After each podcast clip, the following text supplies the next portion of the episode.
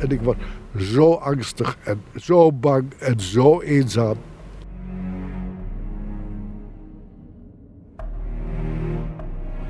Hier, het gaat hier eigenlijk over nooit meer die wieder. Hè?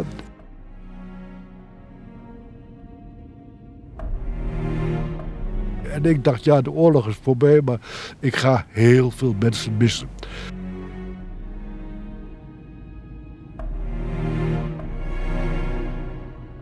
Bert Woudstra is 90 jaar als we deze podcast opnemen.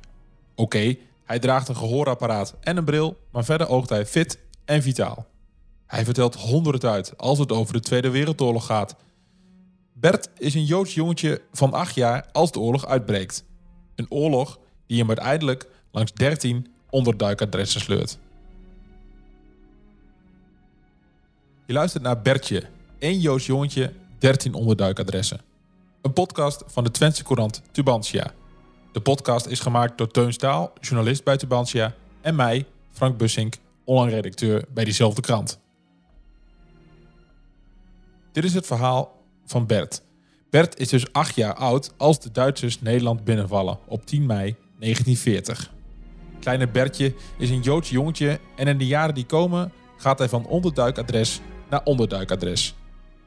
Dit is zijn verhaal over een periode van angst, overleven en onzekerheid.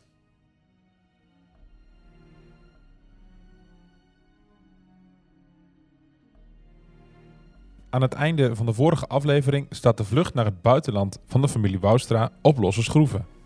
In Amsterdam moeten Bert en zijn familie wachten op de instructies van Jansen. Een angstig moment.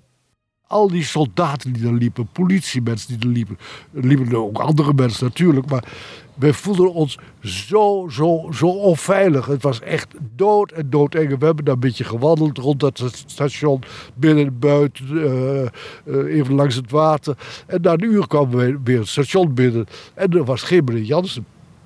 En na anderhalf uur nog geen meneer Jansen. En na twee uur nog geen meneer Jansen. En mijn moeder pakte door. En die zei, dit gaat niet goed. Uh, wegwezen. De moeder van Bert voelt aan dat het misgaat. Gelukkig was de familie voorbereid op zo'n scenario, vertelt Bert. We hadden een afspraak al kunnen maken voor een noodadres in Haarlem. Via een gevoelige medewerker van de, van de zaak van mijn ouders. En uh, zijn zuster woonde daar. En uh, nou, wij in de trein. En we bellen daar aan bij die mevrouw. En ze doet de deur open en ze roept: oh, Is het mislukt? Ja, mevrouw, het is mislukt. Dus dan zaten we daar in een klein, heel klein huis op een slaapkamertje met z'n vieren. Moesten dan op de grond slapen. En ja, er moesten weer allemaal nieuwe onderduikadressen voor ons gezocht worden. Want uh, we konden niet terug naar de plekken waar we zaten. Nu de vlucht naar het buitenland is mislukt, zit er niets anders op dan nieuwe onderduikadressen te zoeken. Want terug naar de vorige plekken, dat is geen optie. En de familie komt verspreid terecht. Bert's moeder gaat naar Twello, zijn oom en tante duiken onder in de buurt van Enschede. En Bert, die keert terug naar een bekende plek. En ik mocht terug naar de familie Noorderbos. En dat was voor mij eigenlijk ja, een hoera van... oh, ik ga naar iemand toe die ik ken. Maar die familie Noorderbos, die was inmiddels vertrokken hier bij het vliegveld. Want er werd zoveel gebombardeerd hier op en rond het vliegveld. Dat oma die in Twello woonde, dus op dezelfde, plek waar mijn moeder ook onderdak kreeg. Die in Twello woonde, hoorde een grote villa. En die was ongerust voor haar uh, dochter en haar kleinkinderen. En die zei, alsjeblieft mensen, kom hier naartoe. Ik heb een groot huis, ruimte, plenty. Want uh, jullie moeten daar weg. Dat, dat loopt verkeerd af. Dus de familie Noorderbos was inmiddels verhuisd naar oma in Twello. En ik werd naar Twello gebracht. En werd daar met open door oma ontvangen en door de familie Noorderbos. Ja, en toen begon weer toch een hele spannende tijd waar ik veel, meestal binnen moest zitten. En uh, op een kamertje, heel gezellig bij oma. Ik had het hartstikke leuk. Ik had er ook boeken om te lezen. Want uh, een van de ooms had een geweldige bibliotheek. Ik kon sprookjes lezen enzovoort. Ik ging dus ook niet naar school. en dan langzaam, langzaam schrijdt tijd voort. En uh, kregen wij via de burgemeester bericht. En ik praat over een tijd die al tegen na het einde van de oorlog had. De invasie was inmiddels geweest in Normandië. En de burgemeester komt vertellen... er wordt in het dorp erover gepraat... dat een van de kinderen van jullie... De kleinkinderen van uw mevrouw... die hoorden niet echt bij het gezin. En men denkt dat het een Joods jongetje is. En, uh, dus wees gewaarschuwd. Ook in Twello lijkt het voor Bert dus niet meer veilig. Hij moet opnieuw op zoek naar een ander onderduikadres. En hij kan terecht bij een kinderrechter in Zutphen. Oma die heeft contact gezocht met uh, haar schoonzoon die kinderrechter was in uh, Zutphen. En gevraagd of ik daar terecht kon. En ik werd op een woensdagmiddag op een fietsje gezet. Met een boterham en een landkaartje hoe ik moest fietsen. En ik moest naar Zutphen fietsen, naar de rechtbank in Zutphen. Waar meester uh, Flederis kinderrechter was. En daar moest ik me melden en die zou me binnen huis nemen. En zo zijn we samen naar Bronsbergen gefietst, net buiten Zutphen, waar hij woonde. En daar werd ik ook weer heel lief ontvangen. En toen kreeg ik daar een slaapkamertje toegewezen boven. Ja, en dan moest ik me echt verstopt houden. Daar heb ik echt weken, weken gezeten. Tot het daar ook onveilig werd, omdat Flederis ook in het verzet zat. en toen ben ik overgebracht naar Deventer. En ik weet niet hoe ik daar gekomen ben. Ik, kan me daar niets meer van herinneren. In één keer was ik in Deventer in een heel statig huis in de binnenstad. Op een zolderkamertje bij hele leuke mensen. Ja, en dan werd ik ook weer opgeborgen. En ik was zo angstig en zo bang en zo eenzaam. Bert heeft een moeilijke tijd in Deventer. Tot op een zekere dag tandarts Noordenbos voor de deur staat. En die zei, Bert, pak je spullen kleedje warm aan, achterop mijn motor. Wij gaan naar Giethoorn, naar de Beulakker. Ik heb daar een woonschip kunnen krijgen. Wij zijn weg bij oma. Het wordt bij oma toch ook wat allemaal te benauwd. En ik praat over eind 44. En, uh, en wij op de motorfiets naar de Beulakker. En ik kwam in mijn laatste onderdukplekje in een woonschip terecht. Weer bij het gezin dat ik kende. Ja, het waren bare, tijden. Uh, we moesten bomen omzagen om in de winter de kachel aan branden te houden. De spitfires van de geallieerden vlogen bijna over de toppen van de bomen. En schoten op alles wat bewoog. Schepen, vrachtauto's werden aangeschoten. Het waren echt wel hele griezelige tijden. Maar aan de andere kant, we werden langzamerhand ook een beetje brutaler. We dachten, ach, morgen zijn we vrij. Het heeft toch nog geruime tijd geduurd. Tot april. Toen kwam eigenlijk de bevrijding. 15 april zijn we bevrijd daar. En, ja, en dan ga je naar huis terug. En dan ga je naar huis terug. Bert vertelt het alsof een korte vakantie is afgelopen. Maar dat was het natuurlijk allerminst. Hij heeft van Buurse tot Giethoorn en van Enschede tot Deventer ondergedoken gezeten. Bert, die inmiddels een tienerjongen is, keert terug naar Enschede. En daar zijn de gevolgen van de oorlog meteen zichtbaar. Ja, en dan kom je thuis. Dan blijkt ons huis leeg te zijn. Ons huis is door de Duitsers alsnog helemaal leeggehaald. Want de mensen die ons huis geleend hadden, Henty Janning en Mies Bruins, was, uh, die zijn allebei opgepakt aan het begin van 1944 wegens verzetsactiviteiten. En zij is naar het vrouwenkamp Ravensbrück gebracht bij Berlijn. En hij, naar, allebei zijn ze eerst naar Vught gebracht, vlakbij Eindhoven. En toen kwam echt Dolle Dinsdag, en dat was ook eind 44. De geallieerden rukten op en de Duitsers werden zenuwachtig.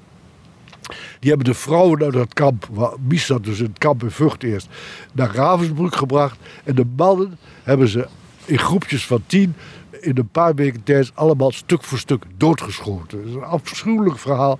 Dus Henty Janning heeft de oorlog niet overleefd. Met hem natuurlijk veel van die mannen. Ja, en al die verhalen, die kwamen langzaam. Dat was, dit verhaal kwam pas veel later naar mij toe. Maar ik leerde wel, toen we terugkwamen, dat ons huis niet meer bewoond was. Dat we werden opgevangen door lieve mensen. Ook weer aan diezelfde La Sondersingel waar mijn moeder ooit had ondergedoken gezeten.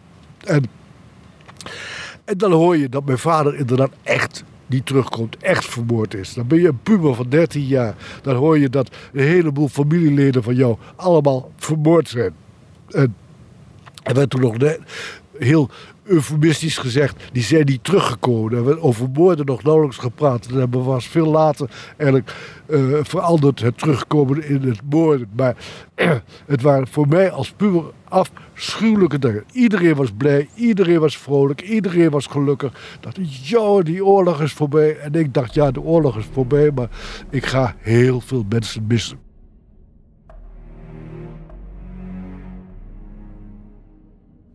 In totaal verliest Bert in de oorlog 24 familieleden. Neefjes, nichtjes, ooms, tantes, maar ook zijn vader. Die werd al voordat Bert en zijn moeder aan hun onderduik begonnen opgepakt en twee weken later vermoord. Wat weet Bert nog van het moment dat zijn vader werd opgepakt? Hij wordt aangebeld, aankleden en meekomen. Er was een Duitse militair of een soldaat, dat weet ik niet meer precies. En een Nederlandse politieman, dat weet ik nog wel. En uh, mijn vader zei me goeiedag en zei: Jongens, maak je geen zorgen. Ik ben uh, volgende week wel weer thuis. en zo werd mijn vader opgepakt. En een paar uh, uur later hoorden wij dat een heleboel mannen waren opgepakt. Joodse mannen, weliswaar.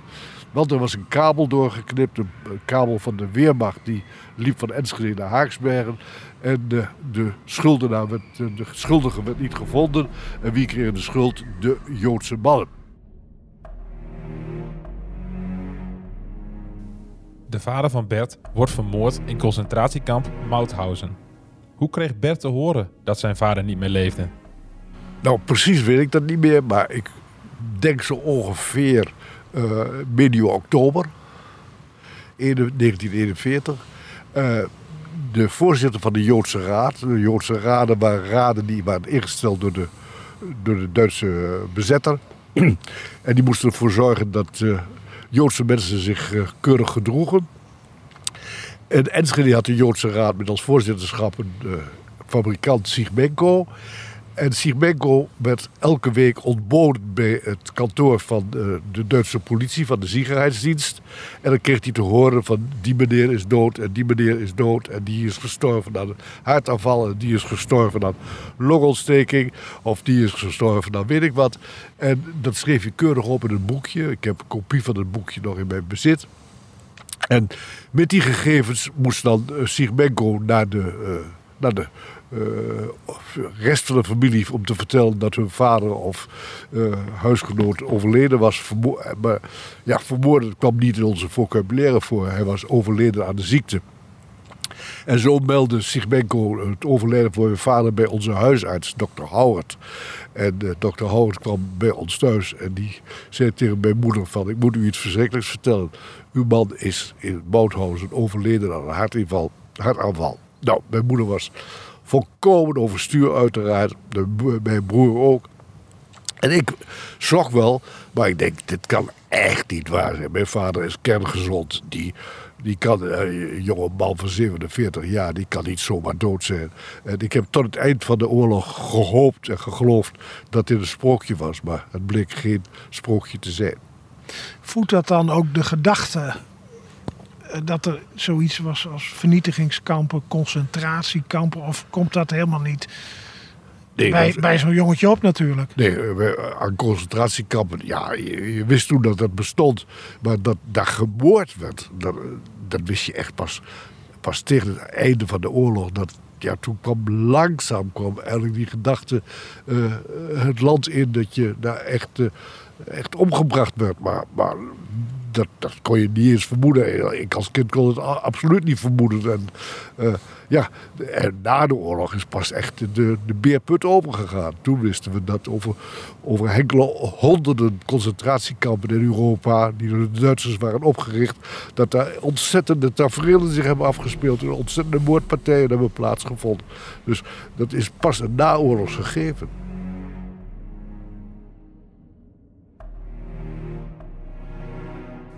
We gaan met Bert terug naar het huis aan de Bisschopstraat, waar een stolperstein ligt voor Berts vader. Welke herinneringen heeft Bert eigenlijk aan zijn vader?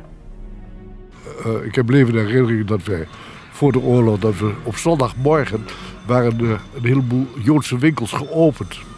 En uh, er was een bakker, een Joodse bakker, er was een Joodse slager. En dan gingen wij s morgens op de fiets en ging mijn vader, mijn vader had een zadeltje op de stang. En dan fietsten wij naar slager Samson. En die woonde ergens midden in de stad. En uh, die straat bestaat niet meer. Ik dacht Alsteegse straat. En uh, dan haalden we brood, uh, vleeswaren voor op de boterham. Dan fietsten we om de hoek. Er was een bakker. Een oom van mij had een grote bakkerij. Bakkerij Woudstra in de Klanderstraat. En dan haalden we broodjes. En dan reden we naar de garage. Want op de Groningse straat was een, een autogarage. Garage Mol heette die. En daar had mijn vader altijd de auto staan. En dan haalden we de fiets daar in de fietsenstalling. En reden met de auto weer terug naar de Haaksbergenstraat of naar de Nijverheidsstraat. Zitten de auto daar neer en gingen dan gezamenlijk ontbijten met heerlijke verse broodjes en vleeswaren. Dat waren van die ontzettende warme momenten waarop, ja, waarop ik veel met mijn vader kon praten. En waarop we echt samen een, uh, ja, een teamje vormden om even alleen uh, onder ons te zijn. Dat zijn dingen die, die, ja, die, die altijd bij me blijven. Bert's vader is een van de vele Enschedese slachtoffers van de Tweede Wereldoorlog. En voor Bert begint na die oorlog een nieuw leven. Maar hoe ziet het leven er eigenlijk uit in naoorlogs Enschede? De kinderen van mijn school die mede mee, die, de, waar ik vroeger in de klas had gezeten, die, ja, die gingen als een boogje om me heen. Uh, het was echt voor mij net of ik mijn laatste kind was. Die, die, ik denk dat mensen het eng vonden om te vragen waar ben je geweest of wat er is er met je gebeurd. Dat weet ik niet zeker, maar ik voelde mij eigenlijk heel verlaten. En toen kwam die padvinderij terug. Toen ben ik padvinder weer geworden. En dan kwam ik met jongens in aanraking die ik nooit eerder had ontmoet. En die mij nooit eerder hadden ontmoet. Ik was gewoon weer een Nederland-Hollandse jongen onder Hollandse jongens.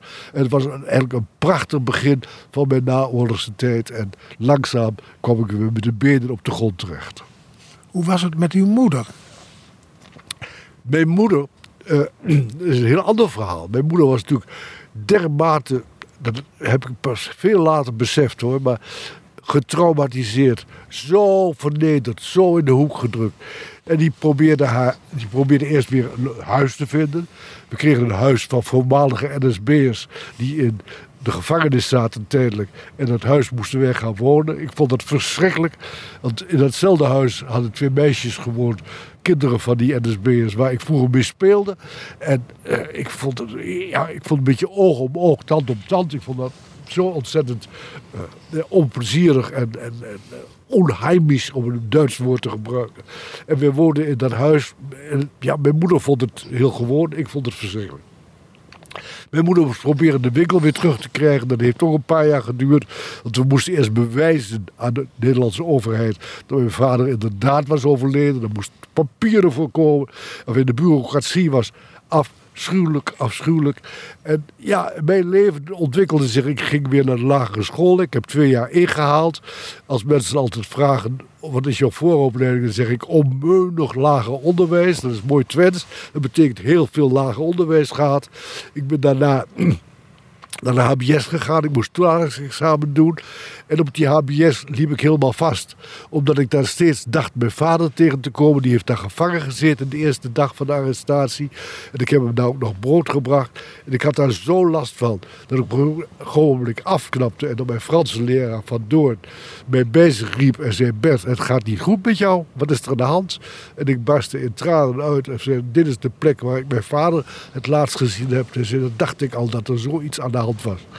En jij moet hier weg je moet wat anders gaan doen. Toen ben ik maar naar de Bulo gegaan, want ik wou echt uit die omgeving weg. Ik heb daar een hele, hele leuke tijd gehad, Bulo.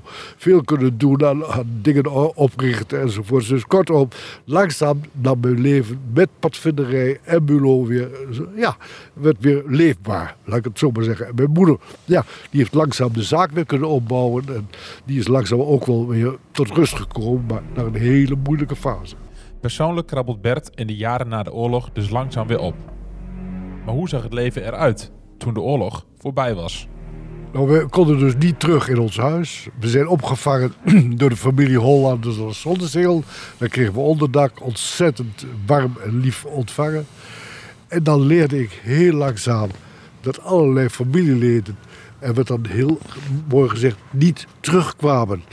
Maar kortom, vermoord waren. En dat was voor mij als puber ja, ik, ik, begreep dat niet. Ik, ik, ik, was echt wat je noemt de weg kwijt. Ik denk, hoe is het mogelijk dat 24 mensen, neefjes, nichtjes, ooms, tantes, echt vermoord zijn door de Duitsers om het simpele feit dat ze de Joodse religie beleden. En niet omdat ze geen goede Nederlanders waren, maar allemaal zulke, zulke correcte, aardige, lieve, werkende mensen. Dus het was voor mij volkomen, volkomen onbegrijpelijke situatie. En ik kon er met niemand over praten. Ik hoorde het alleen maar. Mijn moeder weigerde daarover te praten. Die, die zei, ik kan er niet over praten. En ik, wou, ik wou er wel over praten, maar ik kreeg, ja, ik, ik, ik, ik klapte ook helemaal dicht. En daar heb ik echt heel veel last van gehad. Pas toen ik 50 werd, toen ben ik wat gaan doen aan, dit, eh, dit, eh, ja, dit thema, dit, dit verdrongen feit. En ben ik ook in therapie gegaan. We hebben twee jaar in therapie gedaan om te leren te praten over wat mij allemaal dwars staat op dit terrein. Dat was met name dat verlies, dat grote verlies van al die mensen. Natuurlijk ook van mijn vader. Het was eigenlijk een, ja, eh, in mijn jeugd een onoverkomelijke barrière. En later kon ik daar inderdaad, na die therapie, kon ik daar heel goed mee omgaan. En goed over praten en zelfs les over geven. Bert heeft van de oorlog min of meer zijn levenswerk gemaakt. Hij gaat langs op scholen om te vertellen over de oorlog. En hij geeft lezingen, zelfs in Duitsland. Toen ik eh, eh, stopte met onderwijs rond mijn zestigste, toen, eh, ja, toen, dacht ik, ja, ik moet nog wat gaan doen in mijn leven. En eh, heel langzaam eh, kwamen een aantal dingen op gang. Eh, al tijdens mijn werkzame leven was, er, leven was er een tentoonstelling in Enschede opgericht. En die ging over de rampen van de oorlog aan beide zijden van de grens. En eh, die tentoonstelling die, trok veel, veel mensen, Duitsers en Nederlanders. En dan waren we met een mensen aan het praten. En toen eh, was er een eh, dominee uit, uit Emlichheim, uit Duitsland. En die zei, god, ja, wat, wat mooi dat we elkaar zo ontmoeten, hè, wij Duitsers en Nederlanders. Moeten we daar niet eens wat meer vorm aan geven? En die zei, ja, hier, het gaat hier eigenlijk over nooit meer die wieder. Hè? En dat was meteen de term die, de, eh, die we werden gingen gebruiken om die club op te richten. Dat wil zeggen, hij heeft die club opgericht. Samen met de stadgenoten, ik ben even de naam kwijt. eh, Maar enfin, een Nederlandse eh, verzetsman en deze dominee. Die hebben nooit weer die wieder opgericht. Ik ben daar meteen ook lid van geworden. En het was een echt een ontmoetingsplek van Duitsers en Nederlanders om weer ja, elkaar in de ogen te kunnen kijken. Dat was een fantastisch begin. En daar ben ik ook gevraagd om af en toe in Duitsland wat te vertellen over mijn verleden. In Noordhoorn hadden wij op 27 januari, de dag dat Auschwitz werd bevrijd, hadden we daar herdenkingen georganiseerd. Ik weet ook nog, ik praat over, de jaren, eh, begin jaren 80 dat de burgemeester van Noordhoorn niet, eh, not amused was, of niet zo blij was met deze initiatieven. Die wilde ook niet komen om te praten.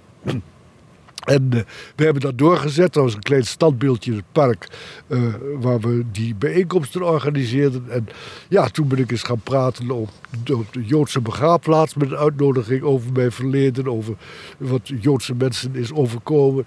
En zo ben ik langzaam aan het vertellen geraakt over de Tweede Wereldoorlog. Een trip met zijn neef naar Wenen kort na de oorlog is ook een reden waarom Bert zijn verhaal blijft vertellen. Hij legt uit waarom. vlak na de oorlog in 47 met mijn neef. Die bakte matzes in Enschede. Die fabriek bestaat nog steeds. eh Hollandia Matsenfabriek. Maar mijn neef die kreeg de opdracht van de Verenigde Naties... om voor Joodse mensen in Wenen te zorgen dat zij matzes kregen. En hij zei tegen mij in de kerstvakantie... Bert, ik moet met de auto, moet je nagaan. Na de oorlog er waren nog haast geen auto's meer. Ik ga met de auto naar Wenen. Heb je zin om mee te gaan? En ik zei, oh geweldig, dat ga ik doen. Dus ik in de vakantie met mijn oom, naar, met mijn neef naar eh, Wenen. Wij overnachten in München. En ik zag naar de geweldige puinhopen in München. En ik schrok me kapot. Ik denk, jeetje, dit is toch wel heel erg. We hebben staan juichen als we de vliegtuigen over zagen vliegen. En als we de rode gloed in het roergebied zagen, zagen. Dan zeiden oh, ze krijgen weer flink op hun donder. En ik heb mij nooit gerealiseerd wat daar echt gebeurde. En toen realiseerde ik me dat. En ik werd s morgens wakker en ik doe de gordijnen open. En ik zie daar allemaal vrouwen aan het werk, aan het puinruimen. Ik denk, dit, dit, kan toch niet waar zijn? Hier hebben gezinnen gewoond, hier zijn kinderen omgekomen. Ik werd er helemaal panisch van. En mijn neef, die kwam bij me staan, die zei, wat ben je aan het doen? Ik zeg, moet je eens kijken wat hier gebeurt. Ik zeg, verschrikkelijk. Ik vertel dat verhaal aan hem. En hij zegt, ja, net goed. Eigen schuld, dikke bult, zei hij tegen mij. Ik vond dat verschrikkelijk dat hij dat zei. Want ik denk, ja, het gaat om mensenlevens. We zijn naar Wenen gegaan, dat is allemaal verder allemaal best interessant geweest. Maar dit liet mij niet meer los. En dit gegeven in mijn hoofd, dat heeft me tot op de dag van vandaag nooit meer losgelaten. Want ik denk, wij moeten de armen om elkaar slaan. Wij moeten zorgen dat dit nooit weer gebeurt. Dit is toch verschrikkelijk. Dus dat was mede mijn motivatie om veel verhalen over de oorlog te gaan vertellen. Om jonge lui wakker te schudden. Te zeggen, jongens, denk eraan. Ga stemmen. Zorg dat we democratie houden. Zorg dat nooit meer dictator over ons gaat heersen. En dat is mijn levensdoel. En dat doe ik nog tot op de dag van vandaag.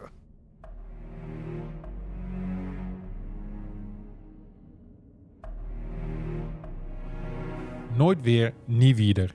Bert heeft het een aantal keer genoemd in de gesprekken met Teun en mij. Het is een boodschap die de Enschedeër uitdraagt. En het is een belangrijke boodschap, want wat in de Tweede Wereldoorlog is gebeurd, mag nooit weer gebeuren. Nooit weer, nie wieder.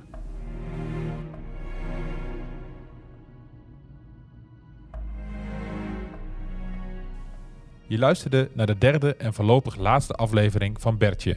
1 Joods jongetje, 13 onderduikadressen. Dit is een podcast van de Twentse Courant Tubantia. De podcast is gemaakt door Teun Staal, journalist bij Tubantia, en Frank Bussink, dat ben ik, online redacteur bij diezelfde krant.